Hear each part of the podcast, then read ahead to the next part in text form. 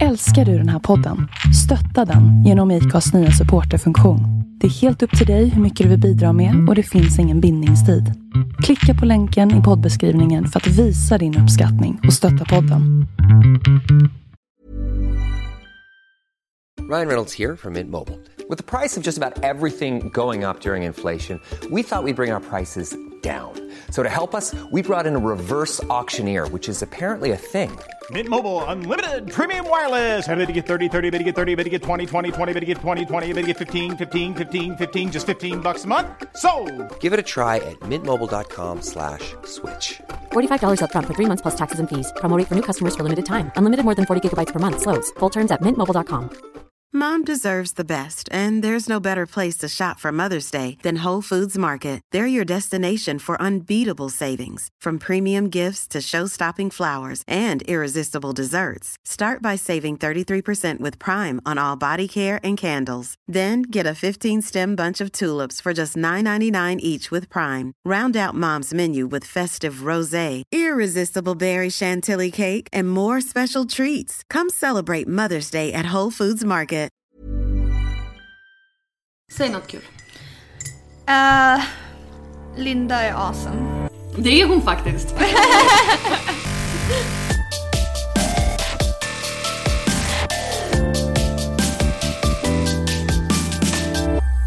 Hej och välkommen till det 36 avsnittet av Bloggbusiness. En podcast från Better bloggers, Sveriges yrkesnätverk för bloggare och online influencers. Mitt namn är Linda Hörnfeldt och jag är grundare av Better bloggers. Till vardags så bloggar jag på lalinda.se. I dagens avsnitt ska ni få träffa Fuki. Fuki blev känd i bloggvärlden i slutet på 00-talet eh, för sin kärlek till japansk popkultur, rosetter och Hello Kitty. En kärlek hon inte riktigt har släppt än. Idag är hon serieentreprenör med inte mindre än två bolag. Hon äger mark och driver välgörenhetsprojekt i Thailand där hon är född.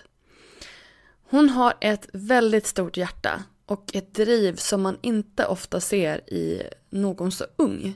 Foki är ju bara 24 år gammal. När jag träffade Foki så blev det väldigt mycket skratt och väldigt mycket te. Eh, vi pratade om hur hennes blogg har förändrats tack vare hennes läsare. Om hennes kärlek till Thailand och hennes nästa äventyr. Att utveckla skönhetsprodukter, däribland hårfärg. Här kommer min intervju med Foki.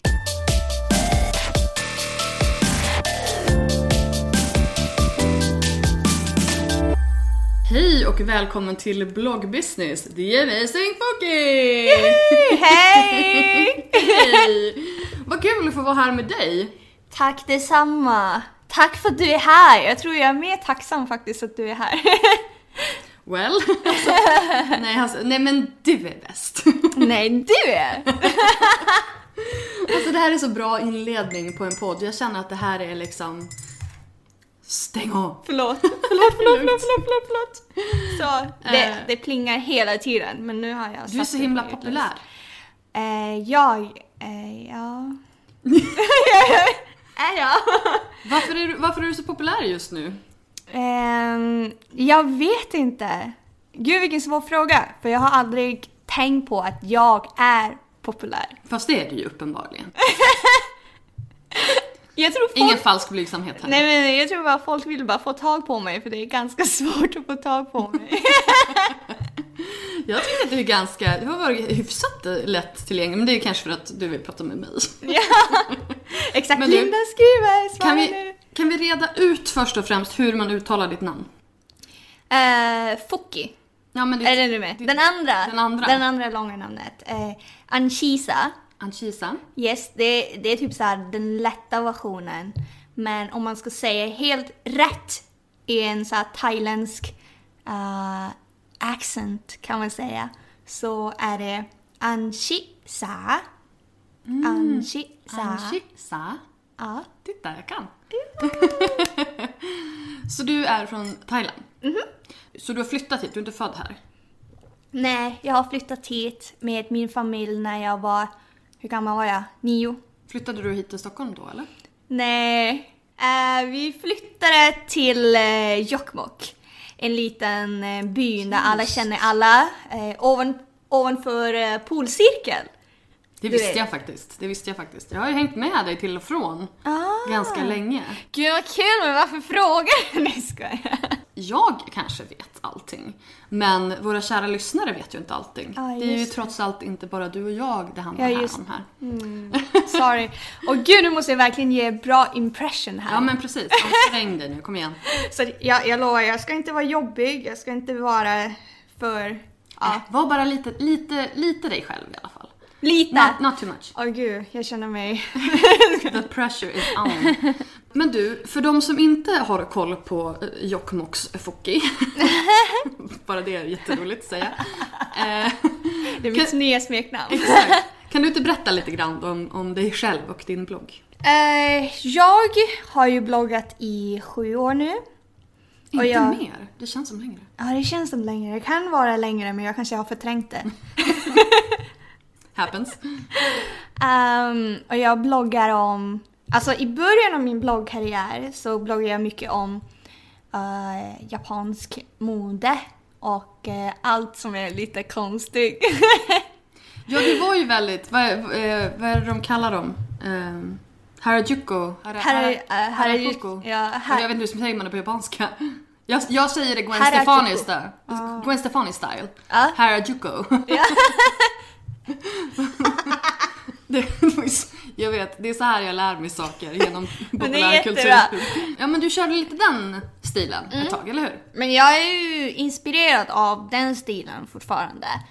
Men, eh, men jag var mycket så här, vet, eh, när man upptäckte eh, någonting i sig själv som man verkligen brinner för, då skriver man om det. För att jag kan inte prata om det med mina vänner. För jag och mina vänner hade ju inte någon så här gemensamma intresse eh, när det gäller eh, japansk eh, subkultur och, och eh, anime och sådana grejer. Och musik framförallt.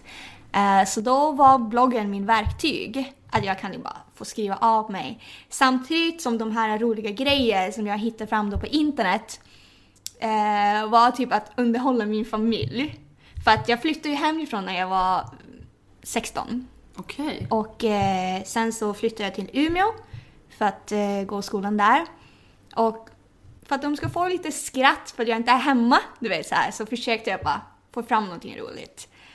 Ehm, men sen, jag växer ju upp och blir tråkigare. Nej. Nej, det är inte det. Du är allt annat än Um, nej men i alla fall, jag växer upp och eh, åren går. Ehm, och jag utvecklas ju som person. Eh, jag var inte den här gymnasietjejen som inte hade saker att göra, du vet, och bara fokusera på bloggen och mer. Utan att nu är det mer att eh, jag har mycket ansvar genom allt business som jag gör runt omkring mig. Och nu bloggar jag typ bara två gånger om dagen. Från att blogga fem till sju gånger om dagen. Va? Ja! Alltså hur? Hur? Alltså då kan man ju inte, det kan ju inte vara mycket innehåll i de inläggen. Om man bloggar fem till sju gånger om dagen. Nej, det, Det är ju som Twitter liksom. Ja, jag Lite vet. så. Eh, om jag ska vara lite ärligt mot dig och mot mig själv så tycker jag att min blogg är mycket bättre nu än förr. Den är ju det för att förut så är det mycket så här ytligt och det var inga känslor. Jag var inte alls personligt och allting är ju bara på ytan. Um, och det handlar bara mest om liksom mina kläder, rosetter och mitt smink, du vet. Och ehm, jag är bara glad nu att jag kan tillföra mig något vettigt i bloggen idag. Ehm, så jag är, är glad faktiskt att man utvecklas så mycket genom åren. Och hur har det varit att ha en blogg då? Liksom när man, för jag menar som du säger, man utvecklas och sådär. Och när du går tillbaka och tittar på de här gamla inläggen. Blir du... Har, har dina läsare förändrats då? Eller har de växt med dig? Eller, för jag tänker att man börjar ju läsa en blogg för att man blir då intresserad av ämnet men även intresserad av personen. Och när då f- personen förändras om man då följer med eller om man eh, då lämnar för att man var intresserad av ämnet. Har Jag du- tror att många växte ur bloggen också. För att eh, förut så var det väldigt eh, unga läsare. från typ 5 till eh, 15-16 var de stora Hur gammal var du när du började? Eh, jag var 17 tror Mm. jag. Yes. Så jag har väldigt, väldigt unga läsare. Och just att de också hittar den här konstiga stilen och den här konstiga tjejen som de måste följa för att det är så annorlunda. Liksom lite grann så. Men Det måste ju ha varit din framgångsgrej. Alltså att du stack ut så mycket med just den här japanska subkultursgrejen. Ja men det, fin- det är ju inte speciellt vanligt här. Nej, det är ju inte det. Men sen började det komma. Eller var det här runt Gwen Stefani-tiden? Nej men efter, du vet, när det blåste upp så började det komma Mm. lite mer och mer. Så nu känns det ju ändå ganska... Alltså man höjer inte ögonbrynen tycker jag. Fast det är inte mycket ändå. Nej det är inte mycket, är inte men man mycket, kanske har lite bättre koll på vad, vad det är för Mm. någonting. Men jag menar det finns ju fortfarande ingen, som jag vet i alla fall, bloggare som, som bloggar specifikt om det. Nej. Du var nog väldigt unik där. Ja. Men gör du fortfarande det eller är det nu väldigt... eh, Har du Det- bytt, bytt inriktning helt och hållet? eh, man kan nog känna av att jag är ju fortfarande den Foki jag varit med mitt intresse. Men... Och lite wacky sådär. lite weird och konstig. Men... eh, Bästa sorten. Ja, men eh, jag har ju så mycket annat runt omkring i mitt liv nu som jag vill också eh, förmedla i bloggen. Eh, så det är ju inte bara det. Eh, Berätta, vad, vad är det för någonting? För du säger att liksom, du har gått ifrån eh, det ytliga ganska mycket och får mer liksom, substans i det hela. Vad, vad, eller, vad hände till att börja med? Alltså när du... När kände du att okej, nu är det här lite väl ytligt? Ja, jag, eh, jag började vända sakta men säkert eh, när jag fyllde 20. Och det var för fyra år sedan. Då försökte jag övergå lite grann, liksom lite steg i taget. Eh, för att ehm, jag började öppna upp ögonen för en helt ny värld eh, när jag började komma igång med mitt eh, bolag i Thailand. Ehm, Som vi ska prata mer om sen. Ja. Sen så har jag insett hur stor inflytande jag har på mina läsare.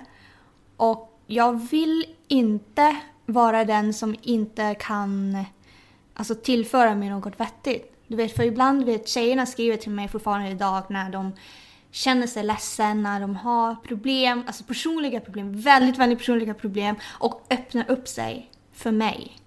Det är ju helt fantastiskt. Jag menar, då har du ju... Det om något är ju ett bevis på att de, de ser ju på dig som sin vän. Verkligen. De litar ju på dig. Och, jag, och det är det som jag tycker är så fantastiskt. Och att jag har insett hur värdefulla mina läsare är.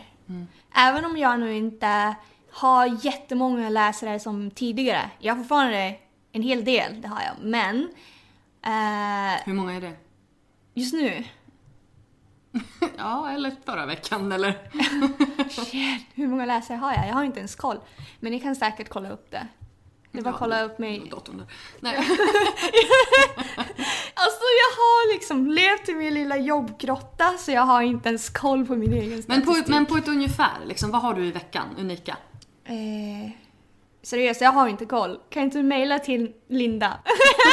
alltså, VD på United Influencers. alltså jag har verkligen inte koll. Det är helt sjukt. Åh gud så pinsamt. Nej men det är inte ovanligt kan jag säga. och, jag, det, men, och det är också lite så här ett, ett eh, bevis på att man har blivit stor.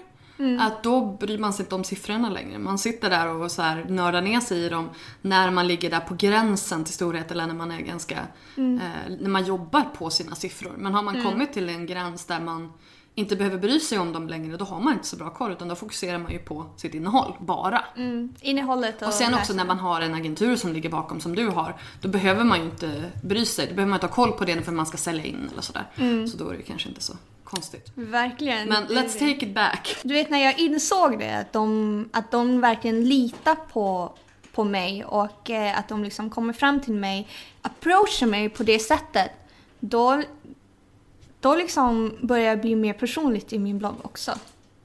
Att kunna försöka ge så goda råd som möjligt. Eh, utan att, att påverka dem på något sätt. För att de måste komma ihåg att eh, jag är fortfarande en, en egen person med egna tankar.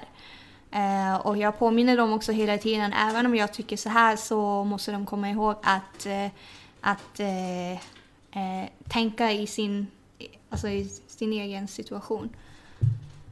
Såklart. Så att de inte liksom lägger allt på mig och tror på allt jag säger och Nej sånt men där. alltså du känner ju inte dem egentligen. Så Nej. men det är omöjligt att ge alltså, helt, helt anpassade råd till folk. Mm. Men jag försöker känner. vara så peppande och Ja, eh, liksom ge en feel good eh, feeling över hela bloggen och alla Vilket du gör. svar. Åh, tack! Ja, men du, du är ju verkligen en, en, en energiboll liksom. Som bara, Ah. vilket, är, vilket är jättehärligt. Men du säger det, så det var dina läsare som inspirerade dig att bli mer personlig? Mm, det är mina läsare, helt klart, till 100%. Att eh, min blogg är så som den är idag, det är ju på grund av mina läsare. För de frågar ju mest om det. Kan du prata mer om ditt jobb? Du vet, förut så var det, jag trodde ju att det de vill ha, det är inte hur jag jobbar bakom bloggen, utan att det de vill se är mina kläder och det är eh, alla accessoarer som jag har. Du vet den delen. Och, och det är ju så också om man liksom tittar runt omkring. Det är just sådana bloggar som handlar om mode och skönhet, träning, som har väldigt stor um, läsarantal också numera. Ja, vi, ja, ja och nej. Ja, Alltså, ja. Fast jag, jag kanske inte borde uttala mig för jag har inte koll. Nej men, Men- Inte, inte så, men det har ju varit så väldigt länge och du vet de stora Mm. portalerna fokuserar på de ämnena men det är ju också för att det är lätt att boxa in dem. Mm. Men jag tror att generellt så tror jag att de som är mest framgångsrika är de som faktiskt är väldigt personliga. Jag tänker liksom på, ja men underbara Klara till exempel. Kinsa är ju en modebloggare men hon är ju också ändå väldigt personlig. Blondinbella, alltså det är ju fortfarande människor som delar med sig relativt mycket eh, av, sitt, av sitt liv. Ehm, men har du då, då också märkt när du blir mer personlig att dina läsare, de blir annorlunda mot dig? Eh, faktiskt. Kommentarer också. Så som innehållet var i bloggen innan. Du vet såhär, åh kolla det här är söta klänningen eller något sånt där. Då var man mest eh, söt, vad söt du är, söt, söt, söt, söt, snygg. Du vet korta kommentarer. Nu är det också mer personliga kommentarer. Så att de kan ibland berätta om deras dagar. De kan liksom inleda någon kommentar som är längre än tre, fyra meningar. Vilket tycker jag är underbart. För då har man en helt annan reaktion till sina läsare. Och jag älskar så här att- att läsa kommentarer när jag hinner. Eh, liksom innan jag går och lägger mig. För att jag blir glad av det. Men ser du din blogg då som en dialog? Som en dialog. Alltså att ni pratar med varandra liksom? Ja, alltså jag har ju lärt känna eh, mina eh, trogna läsare i alla fall. De som kommenterar varje dag. Då brukar jag liksom eh, känna, åh, det är eh, hon som kommenterar idag. Liksom, det blir så här jättemysigt. Och eh, senaste gången så bjöd jag in en läsare som brukar kommentera varje dag. Typ så här, alltså he- helt så här personligt. Bara, eh, du kan väl komma över så kan vi bara träffas och umgås lite. Ja. För hon hade gjort en, en tavla och eh, jag tänkte bara, ah, men om hon ändå bor här i närheten, hon behöver inte skicka utan kom personligen. ja. Så jag, jag brukar dra till med sådana grejer. Men hur var det? Berätta om det. Du var mysig. Alltså, jag vill inte att hon skulle känna sig typ så här bara, "Åh, hur ska hon göra och så, utan att då, då sa jag som det är till henne att jag har bara lite jobb kvar som jag måste göra så hon får sitta framför mig. Och hon läste sina skoluppgifter och eh, jag jobbade med datorn. Och sen så har vi lite så här ögonkontakt, pratar lite om dagen och allt sånt där. Och jag visar henne lite, du vet när jag var klar så visade jag henne lite så här eh, videos och gud vad Liksom- mysigt. umgås lite så här som om hon vore min vän. Det är ehm, jättehärligt. Ja, och eh, jag Vilken tycker om kul grej. Alltså jag blir så här, gud, jag hade ju varit lite... Eller alltså, det beror på. Men, alltså, får, du- får du inte så här lite stalkervarning på vissa? Nej, jag kan inte tänka så. Nej. Jag vet att jag har haft stalkers och de som har liksom kommenterar lite så här creepy och följer mig i alla steg och så. Jag har haft det. Men jag kan inte tänka bara för att de följer mig, då är de min stalkers. Nej, såklart Det- inte. det- Men just det här liksom när man, när man bjuder hem någon till, Mm. alltså att man, att man blir lite så här: okej, hur ska det här gå liksom? Nej, Men jag det gick bra. det gick bra. Alltså det var ju inte mitt hem i och för sig, det var ju i ett eh, kontor. Ja, ja, men då så. men, Då var det ju lugnt. Ja, och... ehm, nej men hon bodde ju där i närheten så det passar bra. Jag tror inte jag skulle tvinga henne bara kom hem till mig. Det tar typ två timmar för dig att komma hit med. Whatever. En väldigt fin utsikt. Du började blogga då, vad blir det, sju år 2009? Nio? Nej, ja, det var då det small tror jag, 2009. Ja. Ja. Vart började du blogga då? Eh, blogg.ses portal. Mm. Ja, det var där allting började. Det är. Det var där allt, alltså det är, det är ganska många som har börjat där. ja, Ja. jag tror det är nästan alla tror jag. Alla kanske? Inte jag. Inte du? Nej, jag har alltid... Vad- började du? Nej men jag har alltid legat på egen domän. Jag har aldrig haft, legat på en bloggportal. Ja. Ah. ja men jag var en sån här liten webbnörd vet du, så jag har haft webbhotell och grejer hela vägen.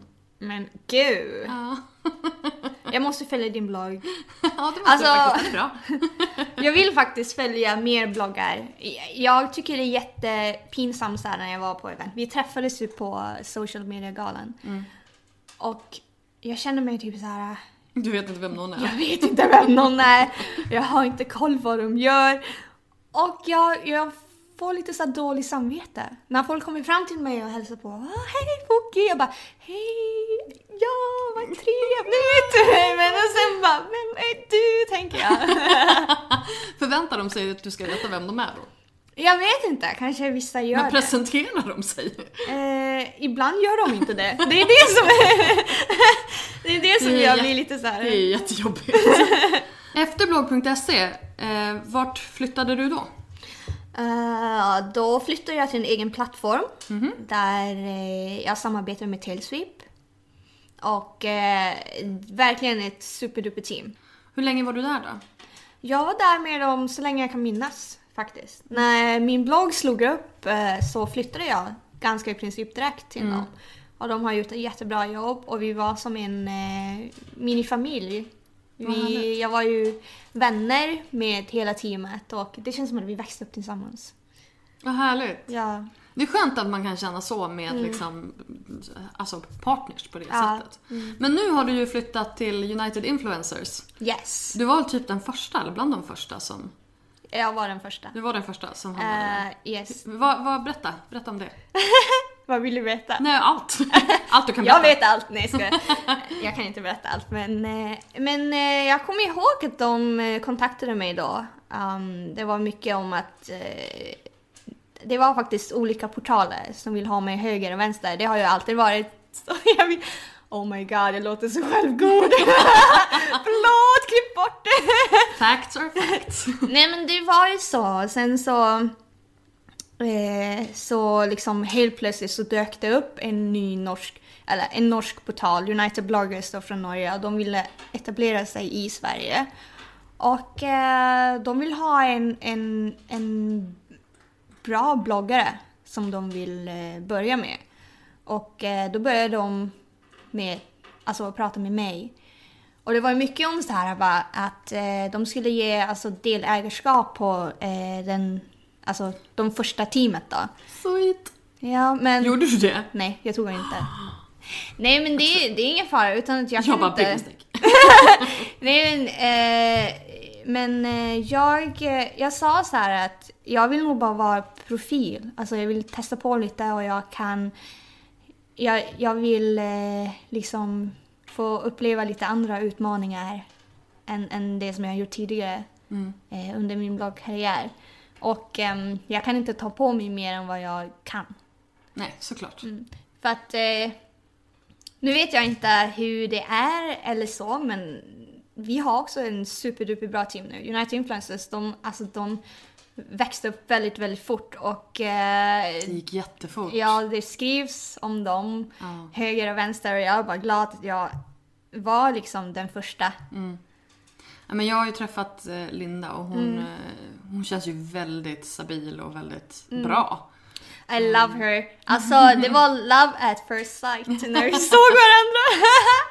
Det var härligt, vad härligt. Nej men alltså jag, jag tycker att det, det verkar vara ett bra gäng, de verkar ha bra eh, Mm. grundvärderingar när det gäller liksom hur, hur de jobbar med sina profiler och sådär. Så, Verkligen. ja, så att det känns, det känns bra för mig. Och det tycker jag är viktigt. Känns det, Det- bra för dig? Det känns superbra och det är därför som jag liksom tog det stora beslutet. Trots att jag älskar Tailswip över allt annat så tog jag det sto- stora beslutet och bara testa på mina vingar lite. Eh, just på grund av att de har bra värderingar i, i allt vi gör liksom. Och eh, samma sak med det här, vi följer lagar också när det gäller reklam, när det gäller allt. Ska vi prata om det nu? Måste vi få Nej men, huvudet? vi, Nej, men vi pratade ju lite grann om det innan vi började spela in här om just eh, marknadsföringslagen och det här att SVT har gjort en granskning nu och eh, då vi har pratat om, om eh, annonsmärkning och smygreklam och sådär. Vad, hur tänker du kring det? Eh, hur jag tänker, alltså jag har ju bloggat i jättelänge. Och när det är reklam då skriver jag ju så här i samarbetet med, eller när jag fått hem saker liksom hemskickat då skriver jag eh, det här företaget har skickat den här produkten och jag testar bla bla bla bla bla och så. Så jag har ju varit tydligt med det. Men, eh, men eh, ibland så liksom förstår inte läsarna att, eh, att det inte alltid är reklam. Som till exempel när jag eh, liksom har tagit en bild på min dator, tekopp och så råkar en mjölkpaket vara där i bakgrunden. Så säger de det där är smygreklam för mjölken. du vet, trots att det inte är det. Så... Det där tycker jag är jättetråkigt för när man är... Det där är ju också... Det finns många olika problem med det här. Eh, och, men i ditt fall så tycker jag att det är så här, när man är när man följer lagen och man sköter sig, man märker ut när det är smygreklam och, eller när det är smygreklam, man märker ut när det är reklam och man, jobb, man håller inte på med smygreklam och ändå misstror folk en. Men det måste ju handla om att det är en slags kultur just nu ehm, där folk är otroligt misstänksamma just för att det är så himla utspritt det här med smygreklam. Alltså vad, vad tycker du att man kan göra för att liksom ta tag i det här? Eller hur, hur, kan vi, hur kan ni på United Influencers, eller hur kan du eh, motverka den här, den här förändringen som håller på att ske? Mot, det- åt- mot det sämre. Alltså kanske en hashtag. Men du kan vara med på inte våran. smygreklam! Ja. Nej, du, vi får vara med på, på våran. Jag smyger inte. Ja, exakt. Jag smyger inte. Eh, det är faktiskt en bra idé. Och det här är ju, det här är ju någonting som jag, alltså det är som vardagssmart för mig. För att jag får alltid hela tiden, är det här reklam? Trots att det inte är det. För ibland, du vet, visar man upp saker och skriver grejer som man själv tycker om. Du vet, nu liksom håller jag väldigt, väldigt low genom att tipsa grejer. Jag tror att jag är nog den bloggare som, som liksom inte tipsar så mycket nu på, du vet, som skönhetsprodukter och sånt där. Ehm, Men det är också tråkigt att man ska bli Jag vet, censurerad jag vet. just för att För jag- folk misstror en. Verkligen. Jag har censurerat mig själv väldigt, väldigt, väldigt mycket. Folk frågar ju liksom så här vilken kamera du använder. Mm. Jag har inte ens vågat svara i bloggen. Men det måste du ju kunna göra. Alltså jag tycker Så ju, som vi pratade om tidigare, du kan ju ha en sån här policy-sida. Mm. Eh, där du skriver att eh, jag skriver alltid ut, jag håller inte på med smygreklam, bla Mm. bla bla. Och så sen när folk ställer såna frågor, då är det bara hänvisa till den sidan. Mm. Att här har jag skrivit om det där, jag håller inte på med sånt, jag har faktiskt egna Mm. åsikter och kan tipsa om saker som, som man bara tycker om. Ja. Så det där tycker jag det är en tråkig utveckling. För det pratas mycket om att ja men folk tar för givet all, att allting är köpt och de bryr sig inte. Men det verkar ju som att de gör ju det. Och i och med att du har sådana läsare som litar på dig och, och ser dig som sin vän så är det klart att de inte vill bli lurade eller känna sig Nej. lurade. Eh, och det är väl därför de är lite så här tvära. Men jag tycker det är jättebra att du, att du är så pass, att du är tydlig. Det, Det är är, klart. jätteviktigt. Ehm, men du, berätta om... Du har ju massa nya spännande grejer på gång nu. Ja! Va, Vi pratade ju om det här lite grann när vi sågs i december. Ja. Men alltså, berätta, vad är det för någonting du har på gång? Oh my god, vad ska jag börja? Alltså, jag har ju tagit eh, en ganska lång ledighet i över ett år och inte gjorde någonting. Eller jag bloggade lite grann, men, men det, räknas, det räknas ju inte. Jo, det gör det visst. Du tjänar pengar på din blogg, då räknas det som ett jobb. Ja, alltså det, det blir ju så. Ja, för du, har, du tjänar ju pengar, du tjänar pengar på och jag jobbar annonser. runt, ja, Eller hur? Du tjänar, alltså... kampanjer, Från, precis, kampanjer. synas någonstans. Exakt. Du, tjän- du ser, du har tre stycken bara där in, liksom intäktsflöden. Så det är klart att bloggen är ett jobb. Men genom United Influencers, då, då tjänar du pengar på annonser. Mm. Hur tjänar du pengar då? Har ni någon trappa eller får du per sidvisning eller per kampanj eller hur funkar det? CPM, Mm, precis. Så det är det liksom på, på alltihopa? Yes, på Ah, alltihopa. Sen Ja, det har vi ju kampanjer. Ja, precis, sponsrade inlägg. Ja, och Smygreklam. Smygreklam. Som inte är smygreklam. Och eh, sen så är det ju också att eh, med United Influencers så är det ju mer än bara reklam. Alltså det är ju, vi jobbar, alltså de försöker i alla fall snappa upp allting, alltså allt annat som är runt omkring. Men... Eh, det, Så vad, då, vad gör ni då till exempel? Vad kan det vara? Nej jag, jag vet inte om jag kan berätta. Nej men det, det, alltså jag tror... Berätta, berätta, berätta. Vi håller nog det lite så här som vår strategi. Eh, Ah. sorry! Så nyfiken nu. sorry, men, men man måste ju tänka utanför boxen för att man ska lyckas i den här självklart. branschen också. Eh, för att det är ju väldigt tufft. Det är ju väldigt stor nu och eh, sen måste våra profiler och bloggarna förstå liksom deras värde också. Det här, är, ju- det här är någonting jag tjatar om hela tiden i, den här, i den här podden. Just det här att i och med att vi är mestadels tjejer, Ja, ganska unga, vi är inte vana att ta för oss. nej. Vi är inte vana att du vet, kasta jantelagen i väggen och bara I can do this. Så att, Det är därför jag var så besviken innan. Du vet så här hur liksom eh, att man inte att man inte förstod tidigare sitt värde. Även om jag känner det helt okej. Bra. så, så är det mer, alltså jag kunde tjäna mycket mer. ja, gud ja.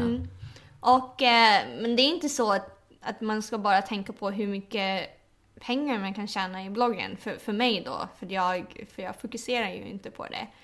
Utan eh, på min egen blogg, på min content och eh, på mina läsare. Um, men du vet hur de andra eh, företag liksom utnyttjar en statistik, ens namn till att eh, marknadsföra deras grejer utan att liksom förstå våra alltså, alltså, inflytande på läsarna och våra värde. Det är det som gjorde mig ledsen bara. Jag förstår det helt och fullt. Helt och fullt. Och det är ju det här, det, det behövs ju kunskap här också. Att en influencer ska man ju inte använda bara för dess siffror. Nej. Utan det handlar ju om trovärdighet och, och relationen man har med läsarna. Och det är ju den, den måste ju du, den, det, är ju ditt, din prioritet. Att du ska vårda den relationen. Så att om någon ska komma in i ditt flöde så måste ju också den personen respektera den relationen. Yes. Helt rätt! Jag tycker jag fick till det. ja, alltså det var right on point. Okej, men då går vi tillbaka. Men alltså, eller, eller, eller vänta. Jag vill, jag vill fråga en sak först. Ja, men självklart. Men om du inte tycker att din blogg är ditt jobb, vad är då ditt jobb? Uh, mina bolag. Och Dina, If you thought the only way to get a more defined jawline with natural looking results was through surgery, think again. Juvederm Volux XC is a non surgical injectable gel filler that improves moderate to severe loss of jawline definition and can help you achieve natural looking results with little downtime. Even better, this improved definition lasts up to one year with optimal treatment. No maintenance required. Improve jawline definition for a smooth, sculpted look with Juvederm Volux XC. For important safety information and to find a licensed specialist, visit juvederm.com. That's J U V E D E R M.com. Not for people with severe allergic reactions, allergies to lidocaine, or the proteins used in Juvederm. Common side effects include injection site redness, swelling, pain, tenderness, firmness, lumps, bumps, bruising, discoloration, or itching. There's a risk of unintentional injection into a blood vessel, which can cause vision abnormalities, blindness, stroke, temporary scabs, or scarring. Talk to a licensed specialist to find out if it's right for you.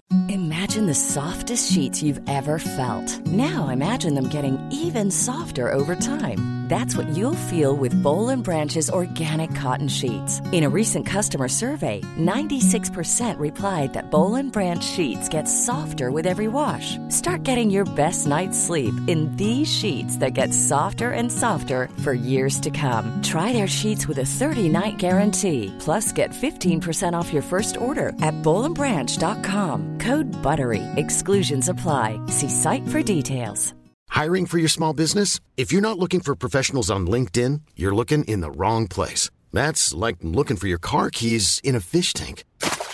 LinkedIn helps you hire professionals you can't find anywhere else, even those who aren't actively searching for a new job but might be open to the perfect role. In a given month, over 70% of LinkedIn users don't even visit other leading job sites. So start looking in the right place. With LinkedIn, you can hire professionals like a professional. Post your free job on linkedin.com slash people today.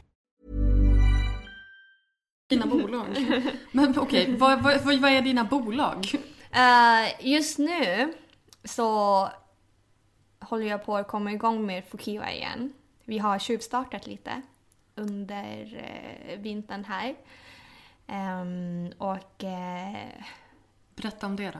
Ja, jag kan börja. Alltså du vet, det är liksom... Ja, jag jag, är så hypad över Ja, att jag ser, du, du måste bara jobb. andas lite grann nu innan du börjar berätta om det, annars kommer det bara bli väldigt, väldigt mycket höga ljud. Nej, men det är så här att när jag ska prata om mitt jobb så blir jag så hypad, jag blir så glad. Ja. För att, Och det är så det ska vara. Det är så Ja, det ska men- vara. Då vet man att man gör rätt sak. ja, verkligen. Men okej, nu ska Men nu jag måste du börja. andas lite bara Ja. för, att, Okej. för att folk ska förstå. så att det inte blir den här... Ja. Och jättefort. Okej, andas och jag lovar jag ska prata lugnt och sakta.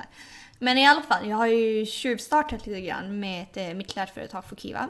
Och eh, jag har ju tillverkat vinterkollektionen och skickat till eh, department stores runt om Asien. Det är ungefär 50 någonting butiker. Eh, och ja, jag har tjuvstartat lite. Det är bara tjuvstart. Och det är en tjuvstart. 50, 50 återförsäljare är en tjuvstart. Det är rätt bra jobbat. Jo men, eh, men det är från mina alltså, tidigare kontakter såklart. För jag har ju hållit på med det här innan. Innan jag tog paus. Så jag har ju kvar mina kontakter och allt sånt där. Så Så det här är liksom ditt, det här är det du tycker är, eller det, du tycker. Det här är det här du anser är liksom, som du, är ditt riktiga jobb. yes, det kommer med. Okej. Det kommer med. Eh, så det är väl, det. Och eh, målet är då att jag ska kunna lansera det i svenska butiker i år. Men eh, även om vi har kört fast lite grann, för vi behöver fler alltså, fabriker, skräddare, tillverkarna för att kunna uppnå eh, efterfrågan. Och, eh, och Fast det, är som... ganska bra att man har mer efterfrågan än, man, än vad man har tillgång. Det är, det är bättre sätt att börja i alla fall än tvärtom. Mm, verkligen, verkligen. Eh, så det är det som, som är den största problemet just nu, är tillverkningen. Eh, och ehm, ja, så vi tuggar på. Så vi försöker lägga upp planerna så att Men berätta om, det här, berätta om det här märket. Eh, För de som inte har koll liksom. Jag startade när jag var 19 år. Då flyttade jag till eh, Thailand efter gymnasiet. Eller sex månader innan jag tog studenten egentligen. Men, men jag eh, på något sätt managed to finish everything and just go. Eh, och ehm, och det var det jag höll på med. Alltså från dag ett när jag bara flyttade till Thailand då, som jag inte alls egentligen är bekant med trots att jag är därifrån. Men du vet, jag har inte levt där under, under min liksom, vuxen tid. Liksom. Jag har tio år. Ja. Ganska precis. Verkligen. Så, så var allting helt nytt för mig. Jag hade inga kontakter. Jag började på noll. Var ska jag börja? Eh, men jag var väldigt nyfiken som person. Så jag frågade runt väldigt mycket. Alltså jag tror jag var säkert jättejobbig eller mot alla jag känner. Men i alla fall, jag frågade runt. Um, jag anlitade en jätteduktig personlig eh, assistent som tog, på all, alltså tog reda på all information. Och sen så hade jag tur också. Eh, min eh, halvsyster som bor där i Thailand, hennes pojkvän jobbar, Paul heter han, han bor i Hongkong och han jobbar som jag vet inte hur, vad man kallar honom, men i alla fall han tar in olika brands till olika shoppingcenter runt om Asien. Agent. Ja, som, som lite grann som det. Mm. Uh, men han jobbar ju mest med de här uh, Louis Vuitton, Prada, liksom Armani och de, du vet de här stora märken. Mm. Men han har ju kontakter också. Vilket innebär då fick jag börja skicka in mina kläder till eh, liksom department stores. Uh, och um, det kanske låter så fancy department stores men det som jag börjar med det var en sån här liten bås. Du vet bland alla brands, mm. random brands eh, som de tog in då. Och, eh, och sen så började det bli mer och mer och mer. Och det växte så snabbt. För jag trodde inte att mina kläder skulle bli omtyckt. Du vet för att det är ändå så himla många liksom så här, som gör liknande stilar i Asien. Det är en, exakt, det är en ganska stor ja, en, bransch. Verkligen, men det är någonting som de fastnade.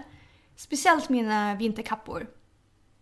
Alltså det, det var någonting med dem. De säljer som mest, alltså de säljer verkligen som smör. Men det är också väl, väldigt svårt att tillverka dem. För jag är väldigt noga med alla detaljer. Ja. Men eh, i alla fall. Eh, så fick jag ju börja där. Men sen så expanderar företaget väldigt fort. Uh, och uh, jag måste ha mer personal och mer folk som blir inblandade i företaget.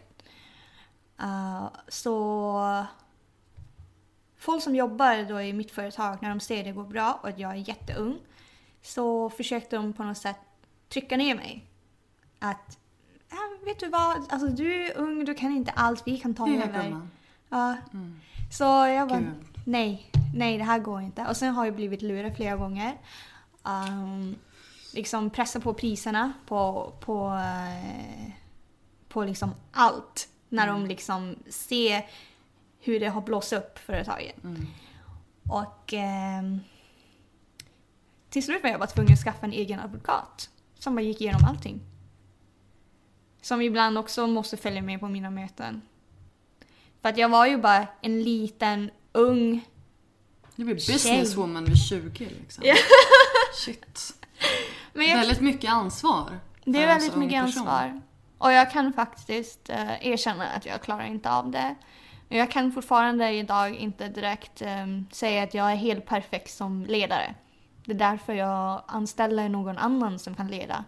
Och, det är ju bra um, ledarskap i sig. Ja, Att verkligen. inse sina, sina mm. begränsningar och sina mm. uh, styrkor och mindre starka sidor. Så uh, jag... Så du tog en paus? Ja, jag tog en paus. Mm. Det var alldeles för mycket. Mm. Det var alldeles för mycket och det var så mycket runt omkring också, kring den tiden. Så jag tog ett paus och bara Never mind. Jag lämnar det här ett år-ish. Kommer tillbaka när jag är redo. För att få lite krafter, inspiration. Men du har och... haft någon annan som har liksom alltså bara fått det att rulla under tiden eller har det allting legat på paus? Allting ligger på paus. Ah, okay. För jag vill inte ha det här att de mejlar mig eller ringer mig mm. när det är någonting. För att just när det är problem så, så måste ju folk ta tag, alltså, ta tag på mig. Mm. Och jag vill inte alls ha någonting med mitt jobb att göra under alltså, mm. min holiday-år. Mm. Men du alltså i stort sett brände ut det då? Det var typ det. Mm. För att jag, eh, jag klarar inte av att vara aktiv. Mm. Jag ville bara vara med min familj, jag ville komma hem, jag ville bara resa, bara fokusera på mina vänner, mina kära, eh, nära och kära. Uh, och det var också samma veva som jag bröt upp med mitt ex också. Så det var liksom, det var på tiden att jag bara kan få ett litet paus från allt. Så jag gjorde det och, och det var faktiskt en väldigt, väldigt lycklig och bra år, tycker jag. Och du fick uppenbarligen tillbaka energin. För att nu känns du ju sjukt pepp. Verkligen. Men berätta, vad händer nu då? Eh, nu så jag, har jag startat ett till för, eh, bolag. Men du börjar, du, du först så, håller du på att, du vet, reviva Fokiwa. Yes, Fukiva. Fokiwa. Och den håller på fortfarande. Eh, och, ehm, eh, och sen nu har jag ett till bolag också som jag har nyss startat. Jag vet inte om det är bra eller inte. Min assistent fick jag veta nu att hon ska sluta i april. Ja, jag vet. Men! Men jag kommer lösa det här. Ja, ja, det är klart det kommer. Det är klart det kommer. Annars skulle inte jag starta det här företaget. Men nu har vi Men gjort vad är det för företag då? Ja, det börjar med en idén om hårfärg. Det som jag har på mig nu. Det här gjorde jag i september. What? Jag vet, och den sitter kvar fortfarande. Alltså för, for the record så är, alltså du är ju mörk i vanliga fall. Ja. Eh, men håret är alltså typ grön, vad heter det? Ish, Pastell, turkos, pastell, ja. grönt, ja pastellgrönt. Ja. Turkost-ish. Din tröja är ju mer turkos. Ja, ja, just- håret är mer Grön, åt grönt. ish, ja. Fast det är ju inte, alltså det är ju turkosgrönt. Pastellgrönt. Det är jävligt snyggt i alla fall. Tack! Varsågod. Men eh, jag började testa den, eh, ehm, liksom så här, jag började liksom föra upp, du vet, kärleken för eh, de, de här roliga godisfärgerna. Och sen så fick jag... Det är så sjukt bra timing. Ja, det är jättebra timing. Och sen fick jag förfrågan först faktiskt. Om jag vill vara eh, liksom ansiktet utåt för en hårfärgsserie. Men det slutade med att jag köpte upp deras bolag. Boss. För att jag ville göra det själv. Like a boss. Nej men alltså jag tyckte det var en, en, en Ja, fast det ultimat idé. Det är så jävla coolt. Jag orkar inte. Älskar det. Ja, fortsätt. Yes, det, det är det. Eh, Så jag eh, har nu kämpat med min advokat om alla eh, boring legal stuff. Du vet alla papper och sånt där, så nu är vi klara. Och um, hårfärgerna är också klar. Vi trodde vi skulle vara klara först under sommaren. Men eh, labben sa att alla ingredienser, allting är på plats och eh, det blev ju en bra resultat. Som på mitt As we just nu. can see. Ja. Ja. Vi testar ju inte på djur, och så vi testar på mig själv. Varför inte? Och Uppenbarligen så har det funkat för du är inte död. Nej, jag är inte Eh, död. du jag har inte inga fått någon- bölder någonstans, Nej, det har jag inte. Hur mår bra. hårbotten? Bra. Ja, vad härligt. bra, Vad bra. härligt. Eh, så då liksom kan vi bara köra igång så fort eh, förpackningarna är klara. Gud Och vad nice. Kommer det funka på blont hår? det funkar perfekt på blont hår. Kommer det sitta sådär bra på det blont hår? sitter bäst på, På riktigt? Ja, så du kommer få alla färger du önskar. Och plus att den här färgen som vi har nu, eh, vi har en, jag kan inte Folk avslöja ser inte mig nu men jag ser ut som en jävla fågelholk för jag är såhär Oh my god. För jag har ju haft lila hår i omgångar men Mm. det, är, alltså, det, det åker ju ut på tre tvättar. Jag vet, men våra färger sitter väldigt, väldigt hårt. Eh, och eh, Ge mig nu. ja, det är nästan så här att man inte kan tvätta av så här för mycket reklam. Men i alla fall, Men jag kan man testat. färga över det? Man kan färga över det, ja. Mm. Ja, ifall man känner att nej men nu, nu har jag haft lila hår ett halvår, nu räcker det. Så då kan man färga över. Man kan liksom. färga över det. Ja. Eh, och... Eh, kommer, man, kommer det här att säljas till konsumenter eller till frisörsalonger eller hur, hur tänker ni? det, är det, det är det som vi är lite, alltså vi är lite kluvna just nu för att just den här färgen som vi har tagit fram till, den är ju för professional use, säger de. För att man kan blanda ut färgerna. För att det är väldigt, väldigt starkt pigment. Eh, och eh, man kan blanda färg ut färgerna och de vill ju egentligen att man ska skicka det till salongerna. Men samtidigt så tänker jag om färgen ändå kan vara lätt att hantera. För det är som en inpackning som du bara stoppar i, alltså det är ingen fler steg liksom. Så vill jag ju kunna eh, på något sätt kanske göra en tutorial, kanske lägga upp det på Youtube eller man får en sån här som en liten minibok kanske. Så att de får läsa igenom hur de ska göra steg för steg för att få det bästa resultatet. Men vi, men vi ska klura ut det. För att vi... Gud vad spännande. Mm. Alltså det här kommer ju att gå lysande för dig. Du är ju helt rätt i tiden. Plus att din målgrupp är ju rätt målgrupp. För det, jag ser det För att de är fortfarande lite, lite glada i rosa hår och kattungar liksom. ja men typ. Hello Kitty var det enda jag kunde se framför mig. Ja, jag är fortfarande en stor Hello Kitty-fan. Jag tror Ja, aldrig jag kommer växa upp från den där katten liksom. Men det behöver man inte. Nej. Hon är väldigt söt. Hon är söt. Men gud vad spännande. Så det är ju inte bara hårfärgerna för att nu håller vi att ta fram Nej, okej. olika... Jag känner mig helt jävla golvad här. nej, gud nej. På ett bra sätt. Men jag tror kanske att jag... Jag vet inte. Jag kanske är... Jag vet att jag inte har ADHD. Jag, jag kan inte säga att jag har det för jag har ju liksom testat. Jag kan koncentrera mig och jag kan... Du vet, Ja, men det är bara en sån überkreativ ja, människa. Det det är väl inga jag vill- konstigheter. vill bara få saker och ting liksom gjort så fort jag har idéer. Då vill jag bara sätta igång och göra det direkt. För annars går jag runt och tänker på det och jag Mm. Ja, men- vill inte gå runt och tänka I på know det. the feeling. Jag är likadan. Ja men i alla fall, förutom hårfärgerna, um, jag måste utnyttja... Och klädmärket. Ja, klädmärket. Mm. Uh, så ska vi ju göra lite skönhetsprodukter också. Och när det gäller hår och sånt där. För att eh, jag själv tar ju hand om mitt hår väldigt bra för att jag färgar väldigt mycket. Och jag vill inte Det att är det ska... väldigt fint. Alltså, det Tack ser ju så liksom... Det ser inte slitet ut. Tack. Men det är lite fristigt just nu. Det här är nyvaket hår. Ja men precis. Det ser kanske lite oborstat ut men Ja. inte liksom, inte slitet. Jag borstar aldrig mitt hår. Nej men i alla fall. Vänta vad sa du? Du tog hand om ditt hår? Ja jag vet men jag menar du vet såhär med balsam, Ja, olja ja, och sånt där så att det inte är helt broken. Men Jag det borde det. lära lite från dig. Ja. så vi kommer ju fokusera på olika hår, hår, eh, hårbehandlingsgrejer. Och sen så blir det liksom nagellack, ögonfransar eh, som kommer på sin tur. Det här har jag inte berättat till någon än eh, i och för sig. Men det gör ingenting, det är din podcast.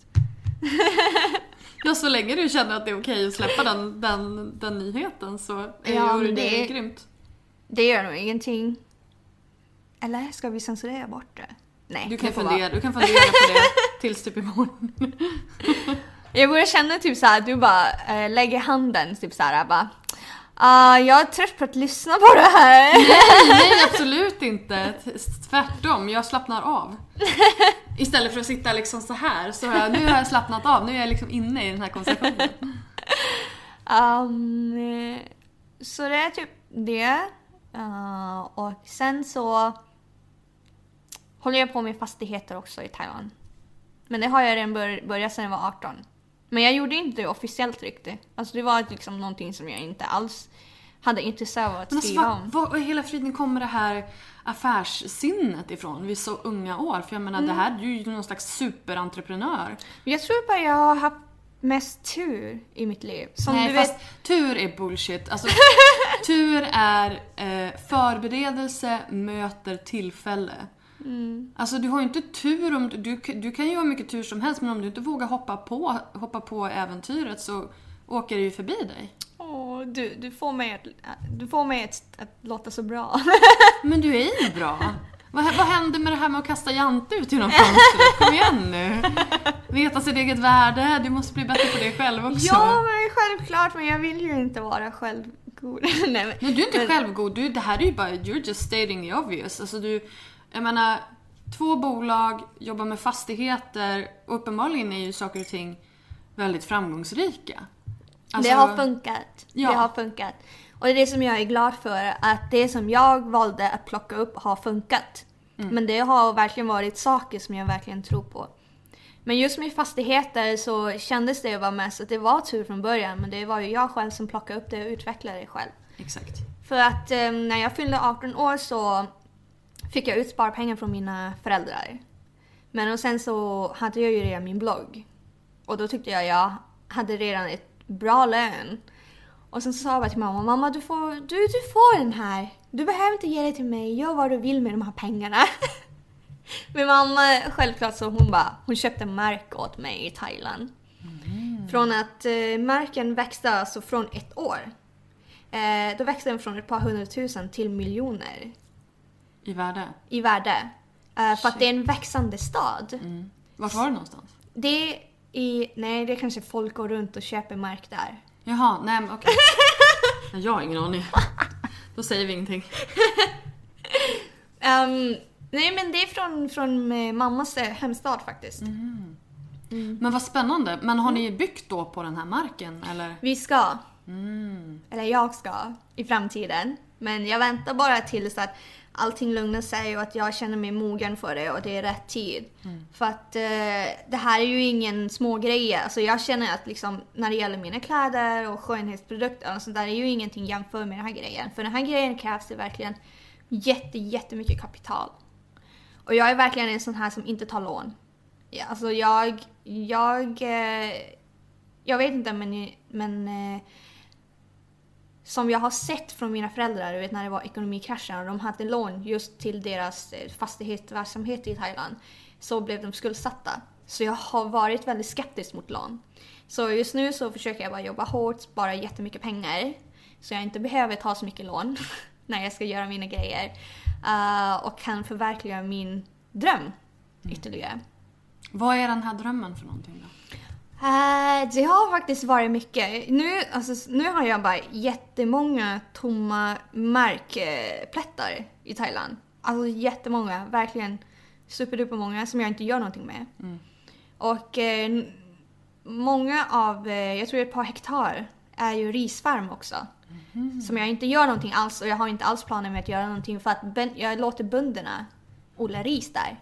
För att det är inte alla bönder som har den tillgången. För att allting kostar ju, du vet, numera. Så då fick de ha den och eh, odla ris så att de kan överleva. Det är väldigt schysst. Ja, men sharing is caring. Jag, jag tycker ändå att jag har tillräckligt och jag har ingen behov av det. Nej. Just den delen. Nej men det, och det tycker jag är så här, det är så himla fint tanke av dig, eller fint gjort för att att du bara säger nej men jag behöver inte, då, får någon, då kan någon annan ta det. Det är inte alla som tänker så, utan alla är så här roffa åt sig, utan jag ska ha så mycket som möjligt. Det, ja, men det tycker jag är väldigt osjälvisk av den självgoda personen. Tack! Oh, men äsch, du får mig att låta så bra. Oh my god. Men jag tycker att du verkar vara ganska bra om jag ska vara helt ärlig. Gud. Ja men, eh, vart, vart var vi? Alltså du gav mig så Ris. mycket... Ja. Ris, riset. Riset, ja i alla fall. Eh, bönderna får ju använda marken så som de vill det. Mm, och eh, sen så har jag ju andra potentiella markplättar som är ju inne i stan. Och det har ju varit eh, typ så här intresse, många intressen vet, där de vill köpa marken till att bygga någonting eh, eh, som typ hotell, eh, stora varuhus och sånt där. Vad vill du bygga då? Neverland. Tog jag vill det men jag får inte! Alltså! För vem? Nej men alltså... Det är nej, din mark. Skit i riset. Nej men mamma hon har ju... Hon, hon är ju min mentor när det gäller fastigheter för hon har ju hållit på med fastigheter själv. Så det här är ju också någonting som ligger i blodet. Uh, så ehm, jag hade ju, du vet jag började ganska ung så jag bara Mamma jag vill bygga en hel sån här tivolipark! En vattenpark! Inomhus, utomhus! Du vet såhär. Hon bara No, no, no, no, no. Hejda dig. Ja. Men eh, när jag var, jag tror att jag gick faktiskt till banken när jag var 21. eh, och försökte ta lån för att jag ville, ville bygga studentlägenheter. Men jag fick inte. Nähä. De tyckte jag var för ung. De bara, Alltså rimligt men... ja, de bara, du är för ung och sen så ehm, behöver du komma in i karriären lite längre och det, känns, det ska kännas mer stabilare, la la la, jada jada jada. Nej, fast det har ju du också nu växt in i. Ja exakt! Så det var ju kanske ett bra råd. nu har det gått liksom ett par år och jag tycker faktiskt att det är bra på något sätt. Eh, att de avråder mig. Så att jag För nu vill jag inte göra den alls. Nej. För att eh, jag vill göra någonting annat. Men jag, men jag, jag vill inte säga det idag. Nej, nej, nej, det är ingen fara. Men du kan, you can't blame me for asking. Men det är bra att du var nyfiken. Kanske om ett par år så får du göra samma intervju igen. Men vad är, vad är grejen med alla de här liksom, företags... För jag menar anledningen till att jag driver Better bloggers det är ju för att jag vill skapa en bättre bloggbransch. Och, ja, det är liksom det är ju min passion. Min, min passion är ju inte företagsbyggandet i sig. Utan det har ju bara blivit en bisak. Så. Men du, i och med att du har flera olika företag och väldigt många olika grejer på gång. Är det just den här entreprenörsgrejen som du tycker är... Är det det du går igång på? Eller vad, vad, vad i det här är det som är så himla kul? Det är nog att först och främst så gör jag ju saker som jag tycker om. Och sen så vill jag inte göra någonting annat än, än, än just att bygga upp någonting. Att bygga upp någonting, allt som jag gör, du vet kläder, skönhetsprodukter och eh, fastigheterna och sånt där. Det är ju för andra. Även fast jag tjänar pengar på det, visst fine, men det är ju också någonting för andra människor. Och sen så den största inspirationen är också att jag, gör, jag jobbar hårt och jag gör det här för min familj. Jag vill att alla ska kunna, att de känner, även nu om mamma och pappa och alla har det jätte, jättebra. Alltså de behöver ju inte det men, men du vet det är någonting i baktanken att de ska känna sig trygg. Om det skulle hända någonting, worst case scenario, så finns det här. Alltså jag vill vara den personen. Och ehm, det är bara det att eh, när jag har min familj i framtiden också, jag vill bara att vi ska vara trygga. Och jag ska liksom kunna ha allting eh, redo för mina barn, barnbarn. Jag tänker så långt. så långsökt. Nej, det är, väl, det är det väl inte? Det är inte så farligt. Det är väl liksom... Ja men det, det är typ bara det att jag vill, jag, jag vill kunna tillföra till de andra också. Och sen så är det också så här, det är en ganska stor makt att man känner att man har eh, resurser över till att hjälpa de som behöver det som mest. För jag håller ju på med välgörenhet också. Och eh, jag har en egen mini privat organisation. Och eh, mitt vad folk... är det då? Eh, ja, eh, det är hur... Jag upptäckte den här, du vet den här världen. Eh, när jag flyttade till Thailand och eh, jag åkte upp till eh, norra Thailand. Där är helt typ såhär ociviliserat. Alltså det är typ såhär bergsfolk som inte har tillgång till någonting. Ja, de har till och med ett eget samhälle med ett eget språk.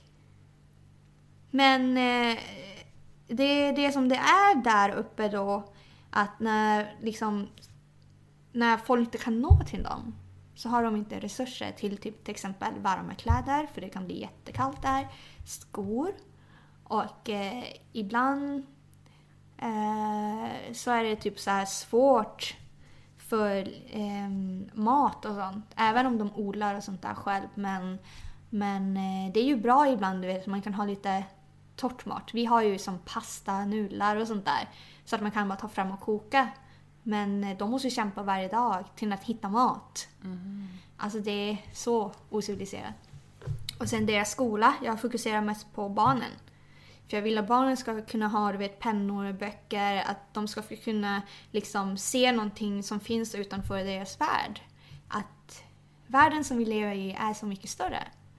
Så jag har ju liksom alltid eh, tillfört mig resurser som skolmaterialer, eh, bollar, fotbollar och sånt där. Så att barnen ska få de här sakerna till att kunna göra aktiviteter i skolan. Mm. Som normala stadsungar. Eh, och eh, sen så har det bara hänt att jag har bara åkt dit varje år. Fast i år så kommer mitt team att åka istället. De åker nu faktiskt, idag. Mm. Eh, och, ehm, och det är det som har gett mig så himla mycket lycka.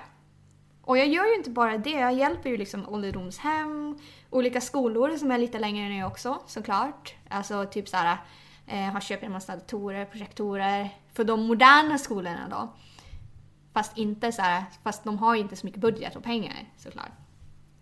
Men, eh, men det är typ det. Att man kan kunna hjälpa till när det var typ så här översvämningar i landet och när det Jaha. är kris. Du har väldigt... Ditt, ditt hjärta slår för Thailand väldigt hårt, det hör jag ju. Ja. Men det är ju det för att jag föddes ju där. Även fast mina kompisar tycker att jag inte känns så thai för att jag växte upp här. Så jag, har, jag är väldigt så här svennig. Med lite japanskt inslag. så, så älskar jag Thailand jättemycket. Men jag älskar Sverige också. Och du ska snart åka dit? Ja, jag har inte ens hunnit skriva det i min blogg. det här kom som en akut grej från jobbet. Så min ekonom har nu bokat biljetter till Thailand, första bästa biljett, eh, den tredje Vad ska du göra då? februari. Och eh, det vi ska göra nu är att först och främst, du vet de här fabrikerna, alltså det är liksom både tråkigheter och roligheter.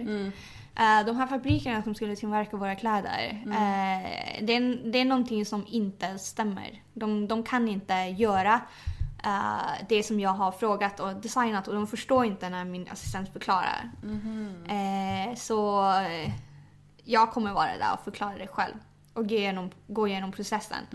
Eh, och eh, sen så, det nya bolaget, så har vi fått in jättemånga produkter och samples. Och sen så ska vi testa det. För jag skrev faktiskt häromdagen i bloggen att vi har fått jättemånga samples och eh, min kollega då som testade det för fullt, hon är så lycklig. Men jag vill också vara med i processen. Och det är så mycket mer än så. För att vissa saker, fine, man kan prata i Skype, man kan visa, men det är aldrig riktigt samma sak om inte man är där fysiskt. Så jag vill bara vara med i den här processen där vi bestämmer att eh, tillverkar och eh, du vet påbörja eh, med eh, jobbet. För vi måste få klart det nu. För annars är ju planen att jag ska vara där i april. Och det är alldeles för länge dit. Och vad händer då? Ska det lanseras då? Uh, jag vet inte. Det är mycket saker kvar. Du vet, det är så mycket grejer att förbereda. Jag bara, när får jag mina hands on? Men jag lovar att du kan bli den första som får testa. Jag vill ha För jag behöver lila faktiskt. hår. Ja, men det ska du få. Vi har lila. Och den, är, den ska jag testa nu när jag åker om två veckor. Gud vad häftigt. Så då får du se mitt lila hår, hur det ser ut med min egen hårfärg. Ja, men du är ju ganska mycket mörkare än jag. Ja, men ändå! Så att ändå! Det är en känsla av att det kommer bli lite ljusare på mig. Eventuellt. Men alltså, gud vad häftigt det har varit att prata med dig. Alltså, Tycker du? Ja. Nej, men alltså, det är så, så, du är så mycket... Du är så inspirerande i allt det du gör. För du gör så tack. mycket och du har ett så gott hjärta. Tack. Jag tycker det är väldigt fint. Eh, Vi ska avsluta, men kan inte du... ehm, tre tips. Tre tips. Ja, tre så här... Ant- nu har vi inte pratat så det är inte bara blogg utan liksom det här entreprenörstips från dig. Entreprenörstips. Oh my god. Hur, hur, hur vågar man liksom? Hur vågar man? Hur hamnar man där, med, där du är? Uh, det, alltså det här, det här ska egentligen vara lätt, jag ska bara kunna svara. Men jag vet ju hur, liksom i verklighet så är det ju helt upp till var och en för alla har olika personlighet. Såklart. Men grejen är att man, man ska älska det man gör. Man ska tro på sin produkt, eller det man gör, den wha- whatever. Och sen så ska man eh, sätta igång. Alltså det, det handlar inte om att man ska bara gå och tänka på det utan att man, man tar reda på informationen och sätter igång. Annars kommer man aldrig hamna där man vill vara. Så vänta inte. Get moving people! Kör! Tack snälla Focke för att du var med i Blog Business. Du har precis hört ett avsnitt av Bloggbusiness, en podcast från Better bloggers. Podcasten hittar du såklart på iTunes och på bloggbusiness.se. Vi finns även på Facebook, på Twitter och på Instagram, at betterbloggers.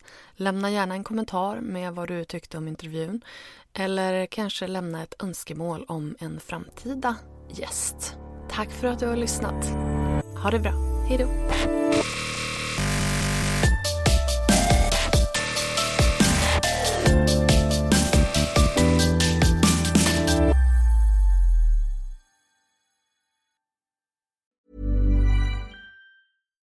Here's a cool fact a crocodile can't stick out its tongue. Another cool fact you can get short term health insurance for a month or just under a year in some states. United Healthcare short term insurance plans are designed for people who are between jobs, coming off their parents' plan, or turning a side hustle into a full time gig. Underwritten by Golden Rule Insurance Company, they offer flexible, budget friendly coverage with access to a nationwide network of doctors and hospitals. Get more cool facts about United Healthcare short term plans at uh1.com. Mom deserves the best, and there's no better place to shop for Mother's Day than Whole Foods Market. They're your destination for unbeatable savings, from premium gifts to show-stopping flowers and irresistible desserts. Start by saving 33% with Prime on all body care and candles. Then get a 15-stem bunch of tulips for just $9.99 each with Prime. Round out Mom's menu with festive rosé, irresistible berry chantilly cake, and more special treats. Come celebrate Mother's Day at Whole Foods Market.